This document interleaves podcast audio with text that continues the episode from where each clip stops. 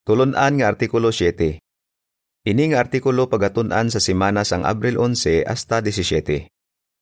Pamatii ang ginasiling sang maalamon. Teksto nga ginbasihan sining artikulo. Pamatii sing maayo ang ginasiling sang maalamon. Pulubaton 22:17. Ambahanon 123. Mainunungon nga magpasakop sa kahimusan sang Dios. Ang binagbinagon sa sining artikulo.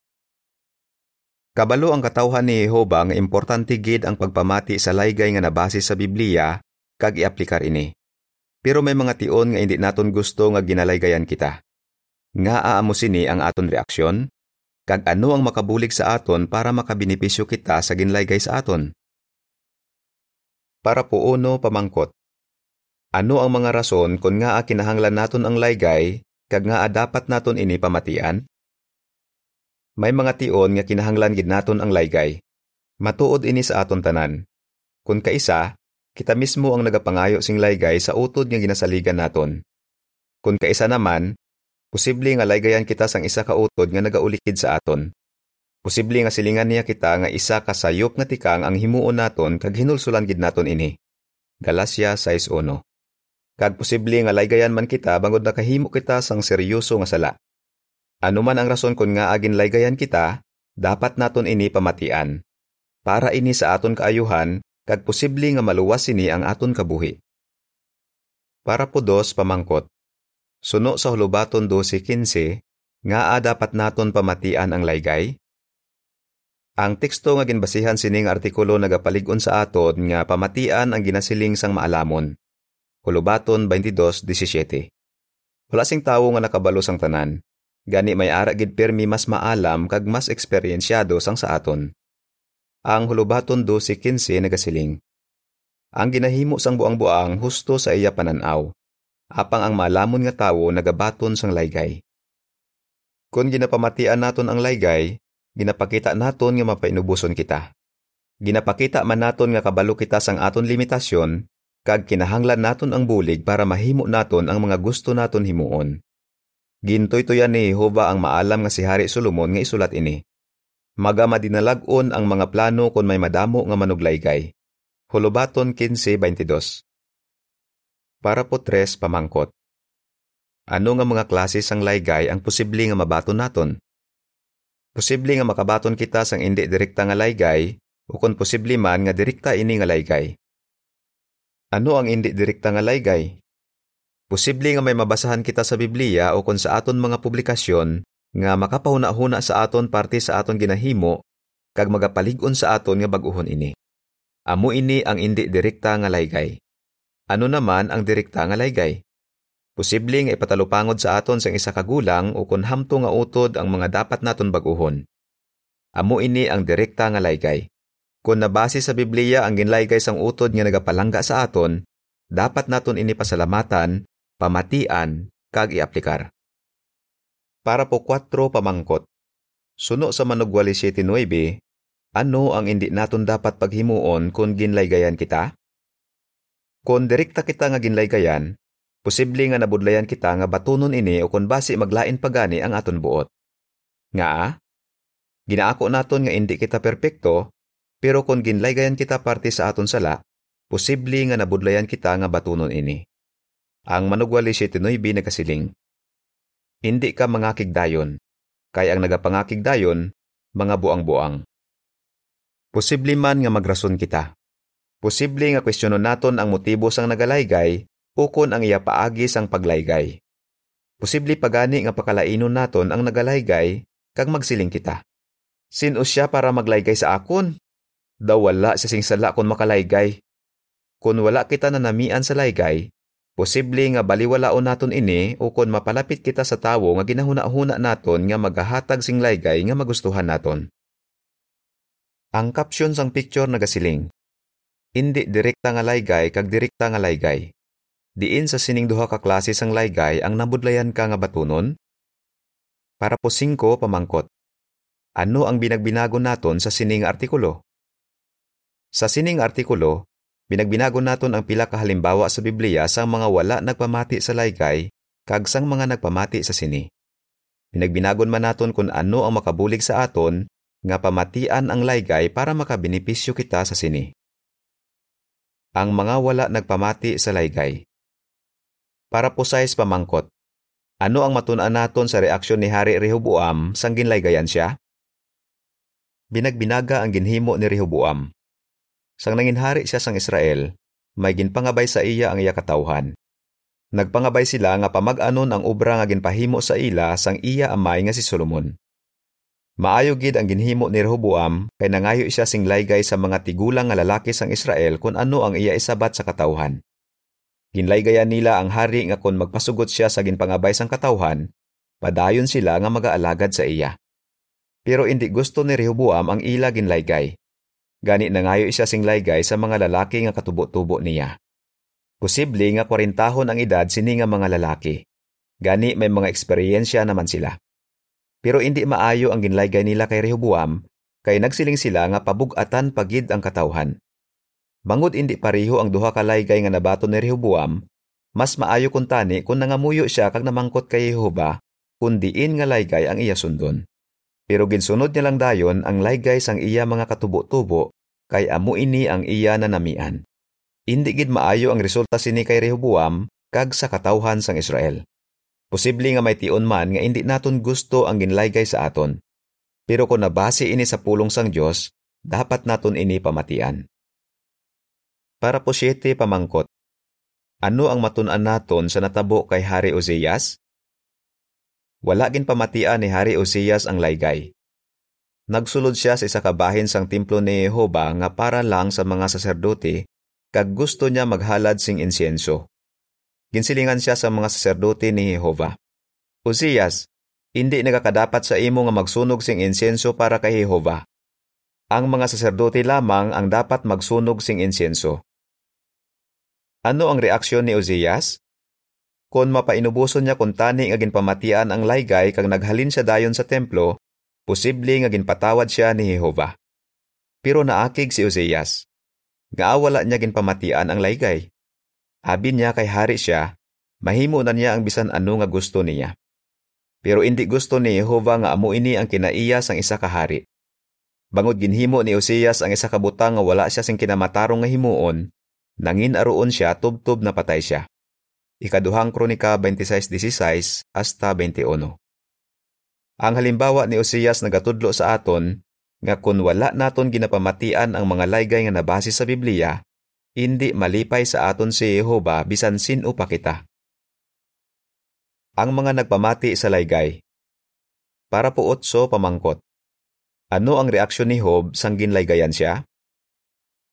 Ginbinagbinag naton ang pila ka halimbawa sa Biblia sang mga wala nagpamati sa laygay. Pero may maayo man nga mga halimbawa sang mga nagpamati sa laygay, kag ginpakamaayo sila. Ang isa ka halimbawa amo si Job. Palangga gid niya ang Dios kag gusto niya himuon kung ano ang husto. Pero hindi siya perpekto. Bangod grabe kabudlay sang iya mga naeksperyensyahan, may nahambal siya nga hindi husto. Gani prangka siya nga ginlaygayan ni Eliho kag ni Jehova. Ano ang reaksyon ni Job? Nagpaubos siya kag ginbaton niya ang laygay. Nagsiling siya. Naghambal ako sa mga butang nga wala ko mahangpan ginabawi ko ang akon ginsiling. Nagapungko ako sa yabo kag abo, agud ipakita ang akon paghinulsol. Bangod nagpaubos si Hob, kin pakamaayo siya ni Jehova. Job 42, 3 hasta 6 Para punoy B pamangkot, kon parte sa pagpamati sa laygay, nga a isa ka maayo nga halimbawa si Moises.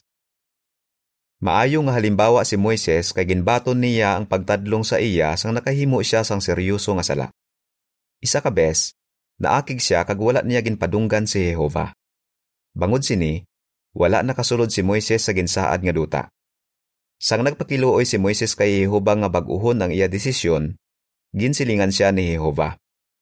Hindi ka na maghambal sa akon, tuhoy sini nga butang. Deuteronomio 3, 23 hasta 27. Wala na akig si Moises sa ginsiling ni Jehova. Sa baylo, ginbaton niya ang desisyon ni Jehova kag padayon siya nga gingamit ni Jehova para pangunahan ang Israel. Ginpamatian ni Job kag ni Moises ang laygay kag maayo sila nga halimbawa nga dapat naton ilugon. Ginbag-o ni Hob ang iya panghuna-huna, kag wala siya nagrason. Ginpamatud-an ni Moises nga ginpamatian niya ang laygay ni Jehova, kay nangin matutom siya gihapon, bisan pa ginkuha sa iya ang pribilehiyo nga hamili sa iya. Para po Jes, pamangkot sa A, suno sa hulubaton 4, Jes hasta 13, ano ang mga pagpakamaayo kung pamatian naton ang laygay? Pamangkot sa B, ano ang maayo nga kinaiya nga ginpakita sang pila ka utod sang ginlaygayan sila?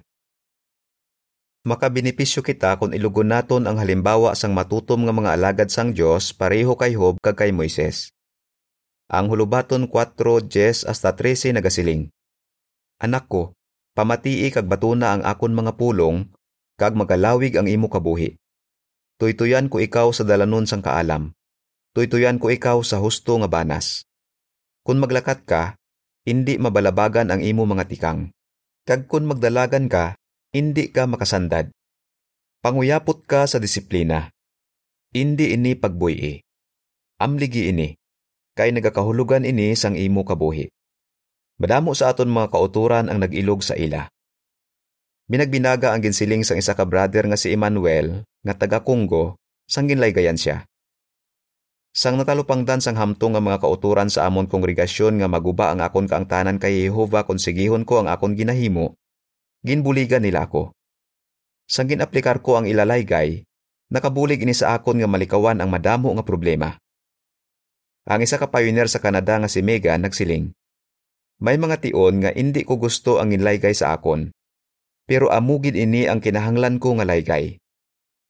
Ang isa ka brother sa Croatia nga si Marco nagsiling, ginkuhaan ako sang pribilehiyo. Pero kung balikan ko ang natabo, narealisar ko nga nakabulig ang ginlaygay sa akon para magbakod liwat ang akon kaangtanan kay Jehova. Para po unse pamangkot. Ano ang ginsiling ni Brother Carl Klein parte sa pagpamati sa laygay? Ang isa pa kahalimbawa sang nagbaton sing laygay amo si Brother Carl Klein nga nangin miyembro sang nagadumala nga hubon. Sa sugilanon sang kabuhi ni Brother Klein, Ginsugid niya nga prangka siya nga ginlaygayan sang iya suod nga abyan nga si Joseph F. Rutherford. Ginako ni Brother Klein nga indi maayo ang iya una nga reaksyon sa laygay. Nagsiling siya. Sang nagkita ay kami liwat ni Brother Rutherford, ginbugno niya ako. Hello Carl. Pero magod nagalain pa ang akon buot. Daw nagahutik lang ako nga nagbugno sa iya. Ginsilingan niya ako. Carl, andam ka. Kinatarget ka sang yawa. Nahuya gid ako. Gani nagsiling ako. Okay lang ko, Brother Rutherford ah. Pero kabalo siya nga nagalain ang akon buot sa iya. Gani ginsulit niya ang iya ginlaygay.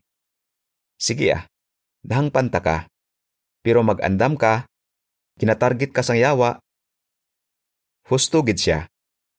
Kung ginlaygayan kita sang utod nga may kinamatarong nga maglaygay sa aton, pero naghinakit kita sa iya, mas mahapos kita si uron sang yawa. Ginpamatian ni Brother Klein ang laygay ni Brother Rutherford, gani wala naguba ang ila suod nga pag-abyanay. Ano ang makabulig sa aton nga pamatian ang laygay? Para po 12 pamangkot. Kung mapainubuson kita, paano ini makabulig sa aton nga pamatian ang laygay? Ano ang makabulig sa aton nga pamatian ang laygay? Dapat kita mangin mapainubuson dapat manaton dumdumon nga indi kita perpekto. Gani may mga tion nga indi gid maayo ang aton ginahimo. Ginbinagbinag kaina nga may tion nga sala ang panguna-huna ni Hob. Pero sang ulihi, ginbag-o niya ini kag ginpakamaayo siya ni Jehova. Nga a, bangod mapainubuson si Hob. Kinpakita niya nga mapainubuson siya paagi sa pagpamati sa laygay ni Eliho, bisan pa mas manghod si Eliho sa iya. Kung mapainubuson kita, mabuligan kita sini nga pamatian ang laygay bisan pa pamatyag naton, hindi naton inikinahanglan o kung mas manghod ang nagalaygay sa aton. Ang isa kagulang sa Canada nagsiling, Lain ang pagtanaw naton sa aton kaugalingon sang sa pagtanaw sa aton sang iban. Gani hindi kita mag-uswag kung wala sing maglaygay sa aton. Sino bala sa aton ang hindi na dapat magpanikasog para mapakita niya ang mga kinaiya nga ginapatubas sang espiritu kag para mapauswag niya ang iya ikasarang sa pagbantala kag pagtudlo sang maayong balita. Ang Salmo 141.5 nagasiling, Kung sakiton ako sang matarong, buhat ini sang mainunungon nga gugma. Kung sabdungon niya ako, mangin kaangay ini sang lana sa akon ulo nga indi ko pagpangindian. Ipangamuyo ko gihapon sila bisan sa tion sang ila mga kapipitan. Para po 13, pamangkot. Ano ang dapat naton tandaan kung ginalaygayan kita? Tandai nga palangga ka sang Diyos, gani ginalaygayan kaniya. Gusto ni Jehova ang pinakamaayo para sa aton. Kung ginalaygayan niya kita paagi sa iya pulong, paagi sa mga publikasyon nga nabase sa Biblia, o kung paagi sa isa kahamtong nga utod, ginapakita niya nga palangga niya kita. Kinahimo ini sang Dios para sa aton kaayuhan. Siling sang Hebreo 12.9 kag 10. Para po 14 pamangkot. Sa diin kita dapat magpokus kung ginalaygayan kita? Magpokus sa laygay, hindi sa paagi sang paglaygay. Kung kaisa, posible nagabatsyag kita nga hindi maayo ang paagi sang paglaygay sa aton. Dapat gidman panikasugan sang nagalaygay nga mahapos batunon ang iya laygay. Pero kung kita ang ginalaygayan, dapat magpukus kita sa laygay bisan pa pamatsyag naton, hindi maayo ang paagi sang paglaygay sa aton. Mahimo naton pamangkuton ang aton kaugalingon. Bisan pa wala ako na namian sa paagi sang paglaygay sa akon, may matun-an bala ako sa laygay? Pwede bala nga magpukus lang ako sa laygay, hindi sa kakulangan sang nagalaygay? Kung ginlaygayan kita, maalamon gid kung panikasugan naton nga makabinipisyo sa sini. Mangayo sing laygay kay para ini sa imo kaayuhan. Para po 15 pamangkot. Nga a dapat kita mangayo sing laygay. Ginapalig-on kita sang Biblia nga mangayo sing laygay. Ang hulubaton 13:10 nagasiling. May kaalam sa mga nagapangayo sing laygay. Matuod gid ini. Sa masami, mas nagauswag ang mga nagapangayo sing laygay sang sa mga nagahulat lang nga laygayan gani tinguhai nga mangayo sing laygay. Para po 16 pamangkot. Sa ano nga mga sitwasyon posible nga mangayo kita sing laygay? Sa ano nga mga sitwasyon posible nga mangayo kita sing laygay sa aton mga kauturan? Binagbinaga ining pila ka sitwasyon. Una, ginpangabay sang isa ka sister ang isa ka eksperensyado nga utod nga updan siya sa pag-Bible study. Pagkatapos ang study, Nangayo isa sing laygay kung paano niya mapauswag ang iya paagi sang pagtudlo sa iban. Ikaduha, gusto sang isa kadalaga nga sister nga magbakal sing bayo. Gani ginpamangkot niya ang isa kahamtong nga sister kung ano ang iya masiling parte sa iya mga ginapilian. Ikatlo, ginhatagan ang isa ka brother sang pribilehiyo nga magpublic talk sa pinakauna nga tion. Ginpangabay niya ang isa ka eksperensyado nga speaker nga pamatian sing maayo ang iya talk kag hambalan siya kung ano ang dapat niya pauswagon. Bisan pa madamo na nga tinuig nga nagapublic talk ang isa ka brother, maayo gid nga mangayo siya sing laygay sa eksperyensyado nga mga speaker kag dapat niya iaplikar ini. Ang caption sang picture nagasiling, Ngaa nagapangayo sing laygay ang isa ka pamatan-on nga sister sa isa ka hamtong nga sister. Para po 17 pamangkot, ano ang himuon naton para makabenepisyo kita sa laygay? Sa masunod nga mga semana o kon binulan, tanan kita makabaton gid sing laygay. Posible nga direkta ini nga laygay o kon indi direkta nga laygay. Kung makabaton ka sing laygay, dumduma ang mga leksyon nga aton ginbinagbinag. Permi mangin mapainubuson. Magpokus sa laygay, indi sa paagi sang paglaygay. Kag iaplikar ang ginlaygay sa imo wala sing ginbunag nga maalam. Pero kung pamatian naton ang laygay kag batuno naton ang disiplina, nagapromisa ang pulong sang Dios nga mangin maalamon kita. Hulubaton 19:20. Ano ang imo sabat? Ano ang matun-an naton sa pila ka halimbawa sa Biblia sa mga wala nagpamati sa laygay? Ano ang matun-an naton sa pila ka halimbawa sa Biblia sa mga nagpamati sa laygay? Ano ang makabulik sa aton nga pamatian ang laygay? Ambahanon 124. Mangin mainunungon. Diri natapos ang artikulo.